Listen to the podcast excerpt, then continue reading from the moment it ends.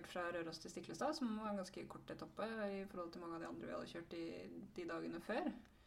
Og vi da skulle treffe Ellev, som du omtaler som uh, lookaliken til pappaen til Pippi Langstrømpe. Ja, han ser ut som pappaen til Pippi Langstrømpe, de gamle filmene. Men uh, Ellev er jo mye mer enn lookaliken til pappaen til Pippi Langstrømpe. Ja, ja, ja. Ja, Ellev Steinsli, han, eller bygningsverneren, som han vel kaller seg, Mm. Driver uh, vindusrestaureringsverksted på Stiklestad. Mm. Og altså, jeg har blitt kjent med Ellev gjennom jobben i Kulturminne for alle, Fortidsminneforeningen. Han sitter vel i ressursgruppa deres. Han gjør det. For vi har jo knytta til oss en gruppe av håndverkere som vi bruker som formidlere eh, i tradisjonshåndverk. Ikke sant? Ut på kurs og workshop og sånn. Så sånn har jeg blitt kjent med Ellev. Og etter at jeg ble kjent med han, så er han litt stipendiat på NHI. Det nevner vi i podkasten. Ja, for nå er vi inne på noen begreper her som liksom nevnes. Litt interne. Ja. NHI Norsk, håndverksinstitutt, Norsk håndverksinstitutt. Yes. Det var Si det fort ti ganger, da. Ibsens livshusker, andre livshusker. Ja. Ikke sant? Norsk håndverksinstitutt eh, holder til på Maihaugen Mm. og har jo eh, Hva heter det? De eh, forvalter egentlig en statlig finansiert stipendiatordning eh, innafor håndverksfagene. De forsker på håndverksfag. Ja, på Ja. tradisjonelle håndverksfag, faktisk. Ja, og det vil jo Elleve fortelle litt mer om det, den forskningen han driver med i sin stipendiatordning i videre i podkasten. Helt riktig. Og så Vi har egentlig to ting til som kunne vært greit å oppklare sånn innledningsvis. Ja. Ja. Han snakker om eh, Han har jo ganske bred håndverksbakgrunn. Mhm. eh, han har starta som glassmester, eller i glassfaget. Mhm. Eh, og så begynte han i tømrerfirmaet til en kompis. Ja, etter, at, etter en innmari fuktig natt, fortalte han. Så, ordentlig trønderfest. ja, så satt han på jobb dagen etter. Ja. Men så sier han at interessen for vinduer og der han er i dag, starta da han begynte på snekkerverkstedet til faren hans. Og da er det en oppklaring som jeg ikke visste før jeg begynte i byggenæringen, og det er jo at snekker og tømrer er to forskjellige ting. Ok. Så her tror jeg vi snakker om at faren hans drev et finsnekkerverksted, hvor de driver med vinduer og dører og blant annet. Mm. Mens han i tømrerfirmaet jobba mer med struktur og grovere tømrerarbeid. Men det er et sånt begrep som man blander veldig. Men det er to forskjellige det er to forskjellige yrkesgrupper, da. Snekkere og tømrere. Ikke sant. Det var godt. Da fikk vi oppklart det. Og når vi kom opp til Ellev, så var vi jo ikke vi de eneste. For vi hadde jo nemlig invitert Ola Fjellheim, min sjef, generalsekretær i Fortidsminneforeningen. Hadde vi liksom invitert opp til Stiklestad fordi vi skulle gjøre neste episode, altså den etter den her. Da skulle vi snakke med han. Eh, Men Ola var jo så, himmel, var jo så tidlig ute. Han vaka jo rundt her når vi kom. Ja, så hvis dere hører Ellev referere til Ola, så er det Ola Fjellheim som Ja. eh, drev og gikk litt rundt og var litt frem og tilbake der mens vi satt og gjorde et intervju. Ola trives godt på snekkerverkstedet. Hvem gjør ikke det? Nei, det er sant. Det er sant. Men uh, Ellev er jo litt sånn eh, Altså, han er jo i utgangspunktet en håndverkerbakgrunn, og som har bygd på litt både med en bachelor Mm. fra NTNU, og nå eh, stipendiat på Norsk håndverksinstitutt. Mm. Og den reisen der er jo også Det er egentlig en grei måte å starte på når, Ja. elev, når vi skal treffe elev. Mm. Skal vi sette over, da, eller? Tror vi gjør det. Eh, Du er faglig, eller du har gått faglig Altså du, er, du er ikke- ikke akademiker som har blitt uh, nei, jeg er håndverker er Jeg er håndverker som har blitt uh, akademiker. Ja, som har eh, videreutdanna deg. Jeg har Ja. ikke jeg har blitt akademiker heller, men jeg har, blitt, jeg har, jeg har eh, dokumentert kompetanse som akademiker. Ja, ikke sant? Eh, men det starta som håndverker, og, det, og som i glassfaget først. Eh, og eh, slutten av eh, 80-tallet og 90-tallet var jo litt dårlig tid for eh, Norge. Så firmaet sa opp alle mann, og så måtte han se seg med til annet. Og da havna jeg egentlig ut i, i det trefaget, da. Mm. Som håndverker i Verdal kommune, faktisk. Og eh, det, det utvikla seg egentlig sånn at uh, 30-årskalas til en kamerat til meg. Så var det en annen kamerat som kom og lurte på om jeg ikke hadde lyst til å starte dem, og de drev et sånn byggmesterfirma. Mm. Og det var vi vel enige om at det har vi blitt enige om Ja. I løpet av natta. Men Ble det da vinduer med en gang? eller? Nei, så det, da ble det bygg, hu, bygge hus, da. Ja. Tømrer? Eh, eh, tømrer, ja. liksom. ja. Uh, men så er det sånn at uh, pappa drev jo snekkerverksted. Ja. Laga dører og vinduer og trapper. Og. Så jeg har jo vokst opp i Vokst opp i et snekkerverksted. Ja. Uh, og fått si, kall det interessen da, for det for snekkerfaget. da, Gjennom det. Mm. Og så er det etter hvert da, så starta jeg utdanning på NTNU da, som, med det som het teknisk bygningsvern. For det er en bachelor. Det er en bachelor i, Ja. i bygningsvern, ja. Hvor kom interessen for eh, gamle hus og tradisjonshåndverk fra? Nei, det tror jeg ikke jeg kan svare på. Nei. Det er liksom Det har alltid vært der. Ja. Ja. Så øh, Etter hvert så slutta jeg på snekkeriet. og så Jeg starta var en liten periode i et annet firma, bygningsvernansvar. Uh, de konka av andre årsaker. Det var ikke din skyld? Nei, min skyld. Nei, så fint. Det var absolutt ikke min skyld. Og da eh, hadde jeg jo noe valg som måtte tas, og da å starte for seg sjøl, det var jo absolutt eh, et valg som var høyt på lista. Og ja, det endte jo med det, da. Så jeg starta i garasjen. Skikkelig gründereventyr Ja, i garasjen. Produsert ganske store mengder vinduer fra garasjen. Men eh, det etter hvert så ble jo det Det ble jo for lite.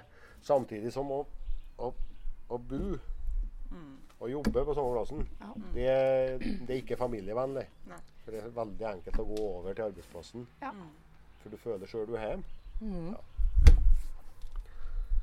Og så Jeg kjenner jo, har jo kjent guttene oppå hen i bestandig, for å si det sånn. Og så det var jo eh, Jeg var oppe og så på dem lafta opp eh, gjesteloftet. Ja, for nå tenker I antasje er jo loftehallen, ikke sant? Stiklestad, ja. Ja.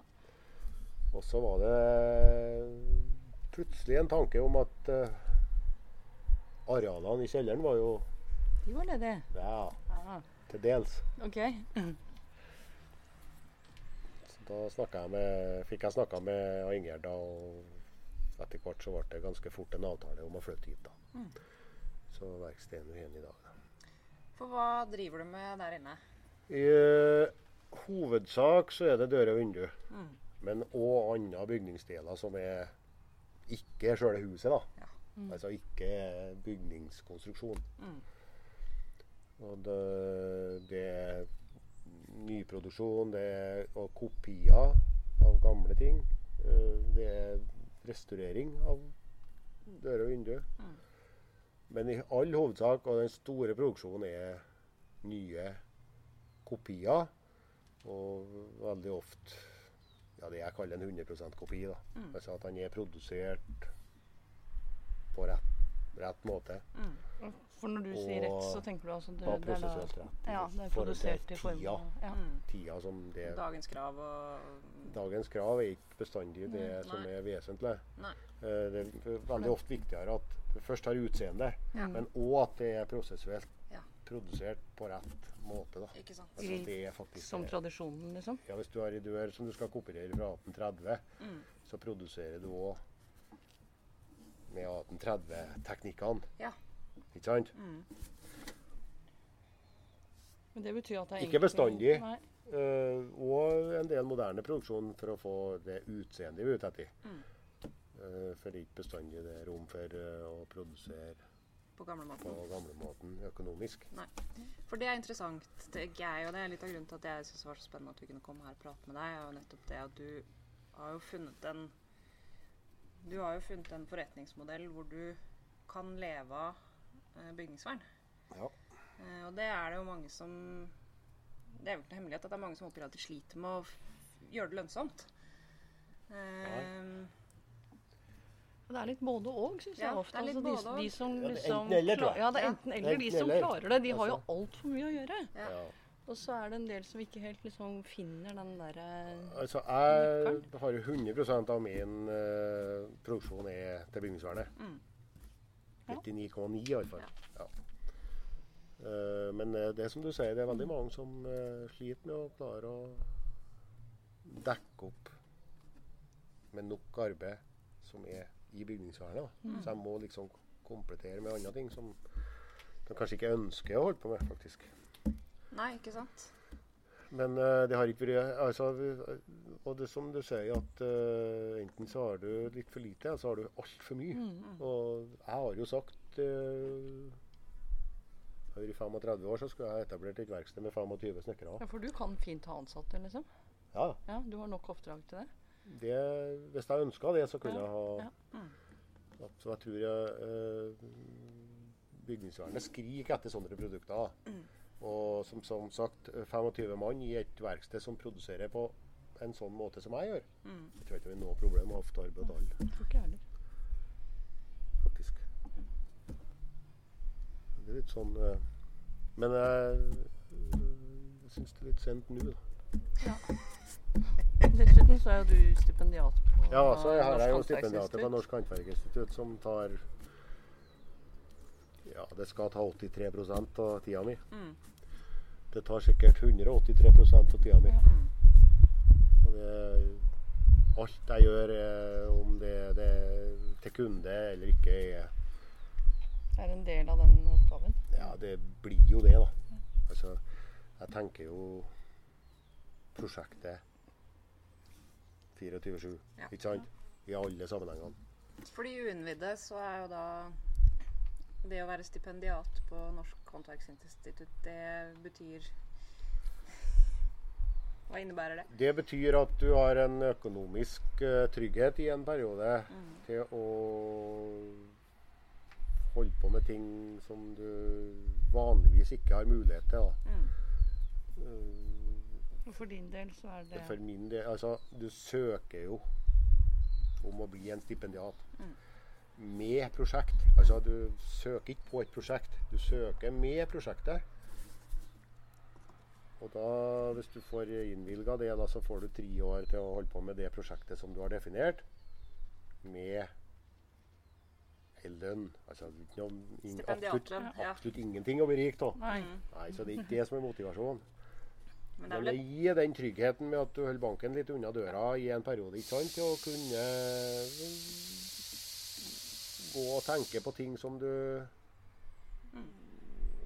og, og forske litt mer på ting som du faktisk går og tenker på egentlig bestandig. da. Mm. Som du ikke har uh, rom for når du står i en økonomisk motivert produksjon, eller en helt økonomisk avhengig Ja. eh, produksjon. Kan vi kalle det håndverksforskning? Absolutt. Ja. Og, Absolutt. Og for min del av prosjektet mitt er jo en sånn uh, Det er veldig immaterielt. Overskrifta er jo egentlig holdbarhet. altså det er jo hva er det som gjør at dører og vinduer fra 1750 faktisk eksisterer fremdeles. Ja.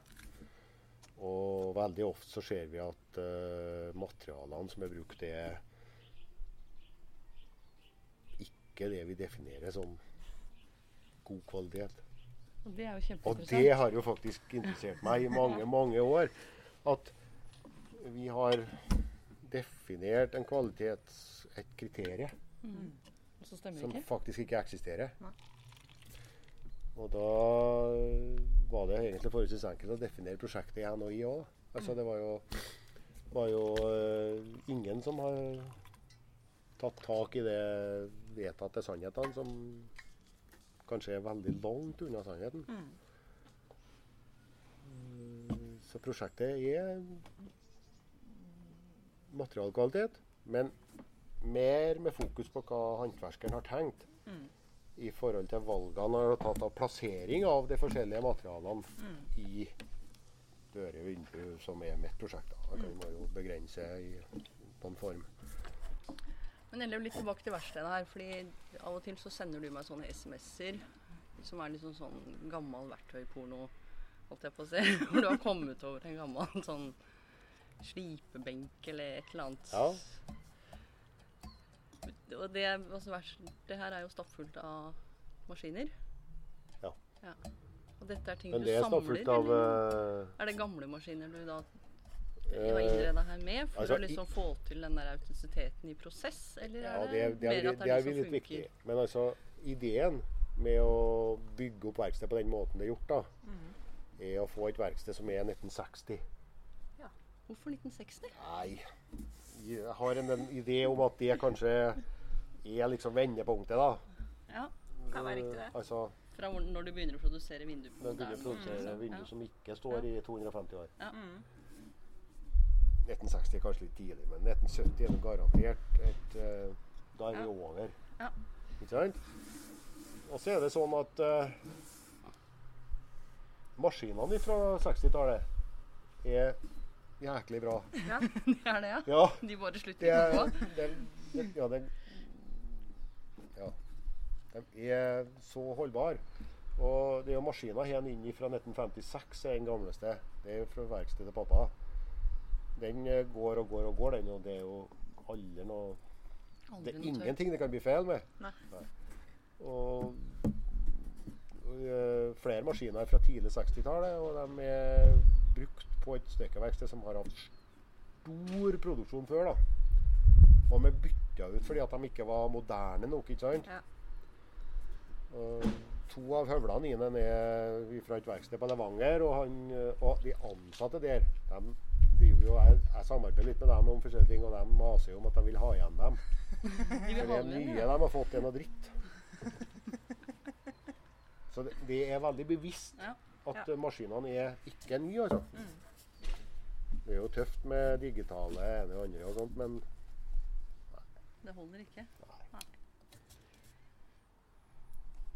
Så ideen er rett og slett å få et verksted som er oppbygd på 60-talls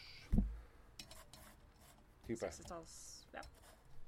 Eh, fordi at det enda da var eh, ja, den vendepunktet ifra en mer maskinell produksjon. Fordi før 1960 så var det faktisk en produksjon som var litt sånn semi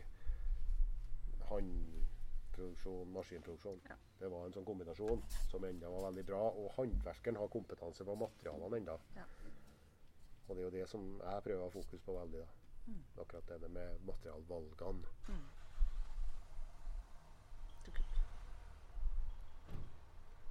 Skal vi gå inn og selv? Det lukter altså så godt. Ja, det gjør jeg. Ja. Eh, jeg har faktisk høvla ganske mye fordi Ola kom i dag. Har du høvla fordi Ola skulle komme? Nei, for han visste jeg ikke skulle komme. Nei, Du visste ikke det? Han holdt på å skremt uh, Ola står bare og livskiten på flirer i bakgrunnen. Jeg, jeg var inne på rommet, så plutselig sto han bak ryggen på meg. Så. Oi, oi, oi. Og da får du en lukta. Du har en furu- furulukta som er Ja, Det lukter så godt. Ja, det er det. Fortell litt om eh, fortalte litt om måte, hvordan dette er 1960 er på en måte der det er lagt. Men kan du fortelle litt hvordan produksjonen foregår her? Uh, i, hvis det ikke er definert metode, så blir alt uh, uh, dimensjonert maskinelt. Eh, for å få, ja, få firkant, da, som vi har. Sant? I utgangspunktet. Og det har jo med Arbeidstid er jo kostbart, så vi ønsker jo å ja, å holde kostnadene ned i alle sammenhengene, og da er det metoden. Eh, Det høvles òg og dimensjoneres òg. Og eh, for han. Eh, Men ikke utover hvis det ikke er definert. I, altså Fylkeskommunen kan jo finne på å, si at det skal håndproduseres. Men profilering og andre ting er ofte håndhøvla. Ja. Eh, rammeprofiler, postprofiler, eh, falser, altså karmfalser, sånne ting er veldig ofte håndhøvla. Og hvis det ikke er store produksjoner, så tar det absolutt ikke lengre tid heller. Ikke? Nei, altså en maskinoppstilling tar ganske lang tid. Så på den tida du har brukt til å stille opp maskinene, så har du høvla falsen i en dørkarm, for å si det sånn. Ja. Så det er liksom ikke uh, Så produksjonen er egentlig så enkelt som det at det, for å få mest mulig effektivitet, så blir alt høvla til og dimensjonert på maskin, og så er det um, i hovedsak håndarbeid resten. Og da hogges etapper, det hogges klisser, sages det som er nødvendig for å Ja, for å få eh, en kopi da, som er innafor det som er stilt som krav. Hva her holder du på. Ja, det er ei burdør Ja. som i utgangspunktet ikke har noe krav til det, verken det ene eller andre. Uh, men materialkvalitet det er i fokus bestandig. Så det er gjort noe valg i material og i plassering i karmen. Det beste i nederst, sjølsagt. Og det er tilsvarende med dørbladet. Det, altså, med produksjon er ikke, har ikke noe Det, skal, det er en kjent av meg som skal ha. Så det. Men ja, Ja. nærmest. Så, men materialvalgene de prøver jeg hele tida å ha fokus på. Og det er sånn. Og det, det har litt med som eh, å klare å sette seg inn Altså fri seg fra samtida di. Det er det som er Altså du tenker veldig i den tida du er. Så vi klarer ikke å forstå valgene håndverkeren har gjort hvis vi ikke klarer å sette oss inn i måten han eventuelt har tenkt på. Og det er jo en utfordring, fordi vi har jo ikke noe Vi har ikke tradisjonsbærerne. Det mangler iallfall to-tre generasjoner. Så vi må hele tida gjenskape den måten å tenke på. Og forske på og Prøve ut. Ja. Og se på gamle gamle vinduer og dører. da. Og se hva det er faktisk som er brukt. Og det kan være litt overraskende. Jeg tenkte vi skulle avslutte med et spørsmål. Altså, du skulle snakka til unge håndverkere og forklart dem hvorfor, hvorfor er tradisjonshåndverket stedet å jobbe, sier du da? Nei, jeg sier det. Jeg sier jo at det er de kloke håndverkerne som jobber med tradisjonshandel. Ja, ja. Det er det jo. Da står jeg jo Men at for å fornærme eh. Altså, det er jo en I fare for å fornærme noen, ja. Ja. Altså, det, det moderne tømmeryrket, da, det er jo Det er jo noe annet. Altså, du er jo en montør med bestemte både materialer, måter, mål. Alt. Det er ikke rom for eh, kreativitet, ikke rom for individuell tenking, ingenting. Mens det er det faktisk i bygningsvernet. da. Sjøl om eh, vi hele tida prøver å finne tilbake og gjenskape de gamle metodene, så er det Da er du håndverker, altså.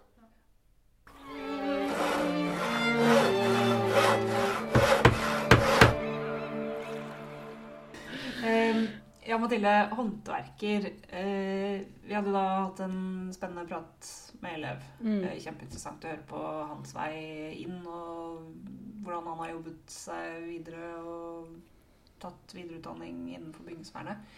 Eh, og hvordan han driver i dag, ikke minst.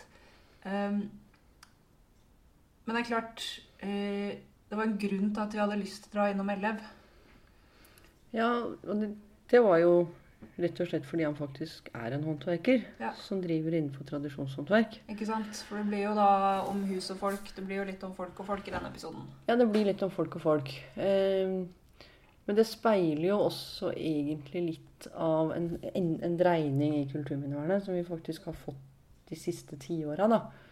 Og det er jo noe med at fra at det liksom har vært bygningene, arkitekturhistoriske, som liksom har vært veldig i fokus, så har man jo de siste ti årene begynt å bli opptatt av faktisk prosessen som ligger bak, nettopp altså håndverket. Og det er jo håndverket som verdi i seg selv, ikke sant? Eh, Som en immateriell kulturarv. Mm. Men like viktig er jo også at man trenger håndverkere som kan gamle hus. Ellers så forsvinner jo kulturarven. Ikke sant. Og det er jo der vi mente at det passet inn. Dette er liksom Vi skal snakke om gamle hus og folk. Eh, og det blir veldig rart å ta å lage en sånn podkast, være på en sånn turné og ikke treffe noen av de som faktisk er med på å gjøre den praktiske jobben, Mm. og som eh, jobber som håndverkere på disse prosjektene som vi besøker. Og, og der er Elleve en innmari god representant. Mm. Og nå, i det tilbakeskuende-perspektivet, så er han jo faktisk ikke den eneste representanten. Fordi vi skal jo til Mosjøen etter hvert. Det skal vi. Der skal vi møte Sverre Walter. For han liksom dukka opp i Facebook-feeden. En annen eh, bra trønder. Ja, han er faktisk også trønder, det er helt sant. Eh, og håndverker. Ja. Så, så der blir det også en sånn håndverkerepisode som vi er veldig fornøyd med at vi har fått til. Mm. Så er det litt nerdalert på dette her, men jeg, vi mener at eh, det setter jo litt inn i kontekst. Absolutt. Ja.